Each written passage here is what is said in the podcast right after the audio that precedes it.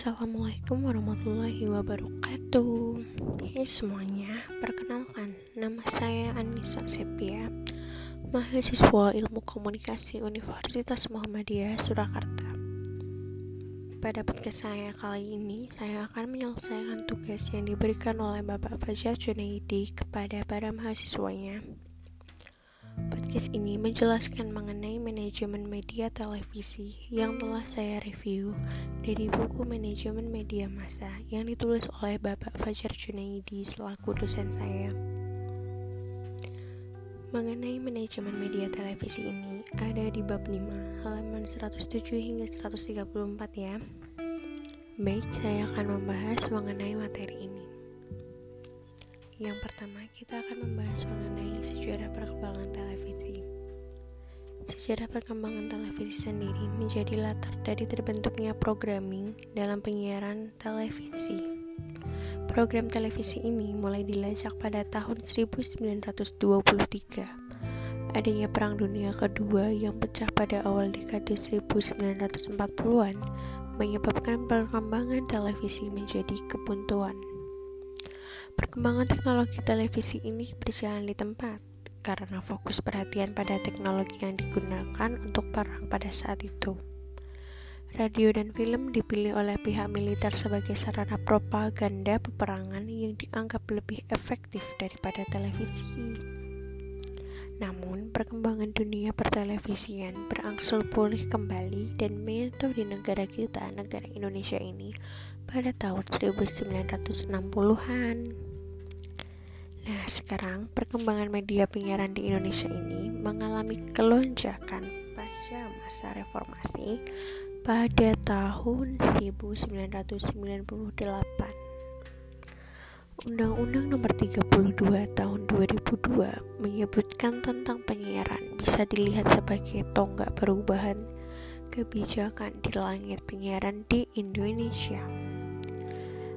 Stasiun televisi swasta RCTI menjadi stasiun televisi swasta pertama yang mengudara pada tahun 1989.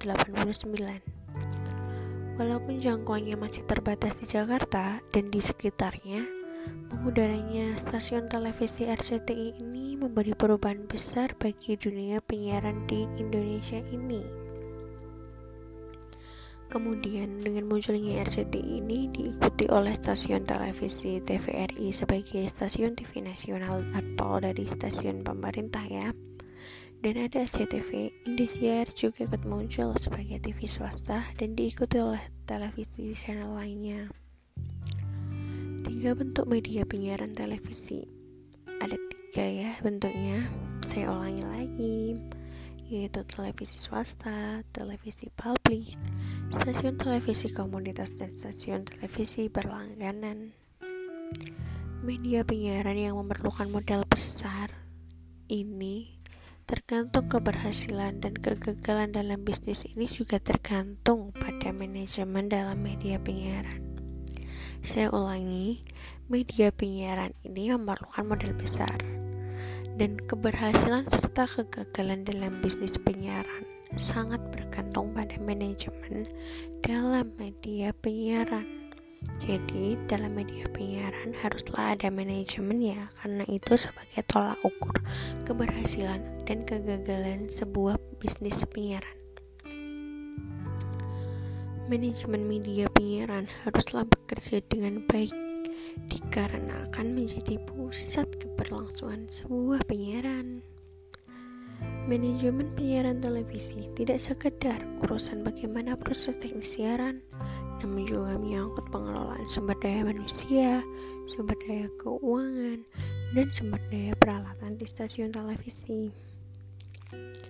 Pembagian wewenang ini didasarkan pada kebutuhan lingkungan dan sumber daya yang ada di stasiun televisi tersebut. Stasiun televisi komunitas tentu memiliki kebutuhan yang berbeda dengan stasiun televisi komersial. Hal ini dapat dilihat berdasarkan lingkungan dan sumber daya manusia stasiun televisi tersebut.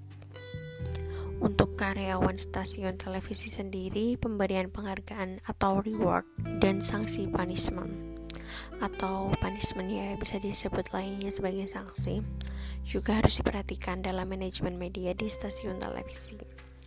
Mengingat adanya fenomena pekerja stasiun televisi yang berpindah ke stasiun televisi lain dengan berbagai alasan.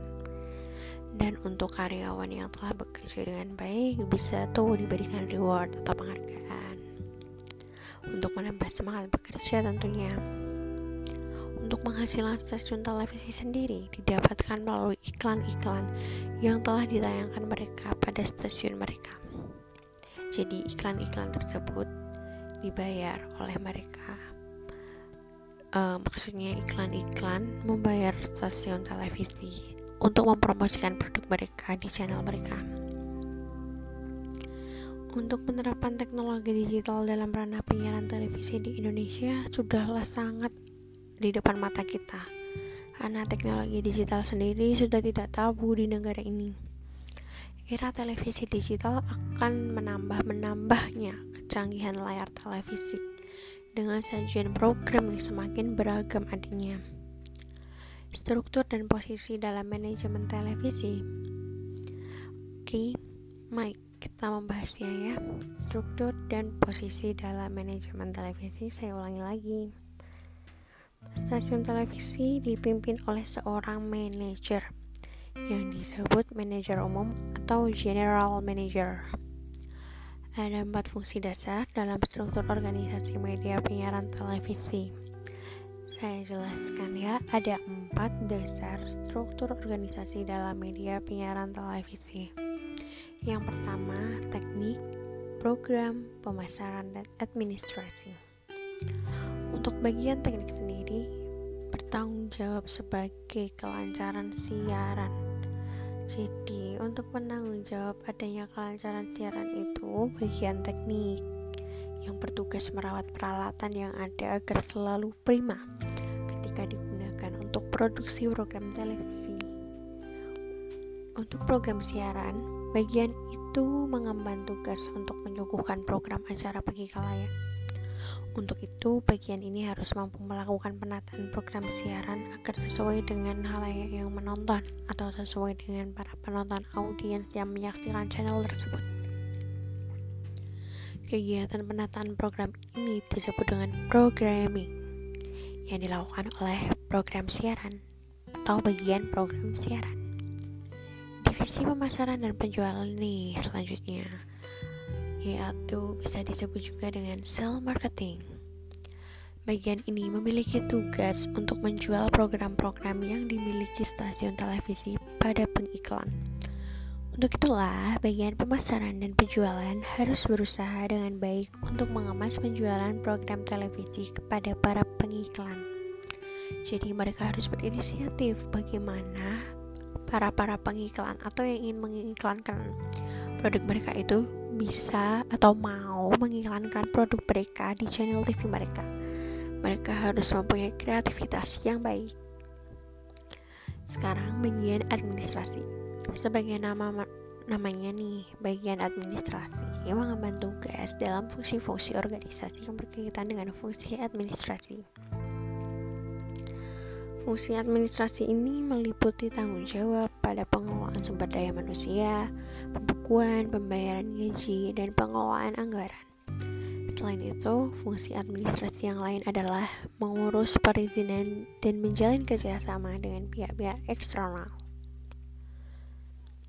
Kemudian, kita bahas tentang operasional stasiun televisi ya. Operasional stasiun televisi juga tidak lepas dari perangkat regulasi dan regulator yang menjalankan tugas pelaksanaan pengawasan regulasi. Undang-Undang Nomor 32 Tahun 2002 tentang penyiaran pedoman perilaku penyiaran standar program siaran atau PPP-SPS. Ada dua regulasi yang wajib ditaati oleh stasiun atau yang wajib ditaati oleh stasiun televisi. Jadi, sebuah stasiun televisi haruslah mengikuti undang-undang yang berlaku atau mentaati hukum yang ada di Indonesia, tentunya pada hukum penyiaran, agar stasiun televisi terlibat masalah oleh hukum. Baik, sekian materi yang telah saya rangkum dari buku media atau dari buku manajemen media yang telah ditulis oleh Bapak Fajar Junaidi. Semoga bermanfaat bagi para pendengar saya. Terima kasih dan terima kasih untuk Bapak dosen saya Bapak Fajar Junaidi karena telah memberikan tugas ini sehingga dapat bermanfaat bagi saya telah merangkum materi ini dengan sebisa saya atau sebaiknya saya. Sekali lagi terima kasih. Wassalamualaikum warahmatullahi wabarakatuh. Bye.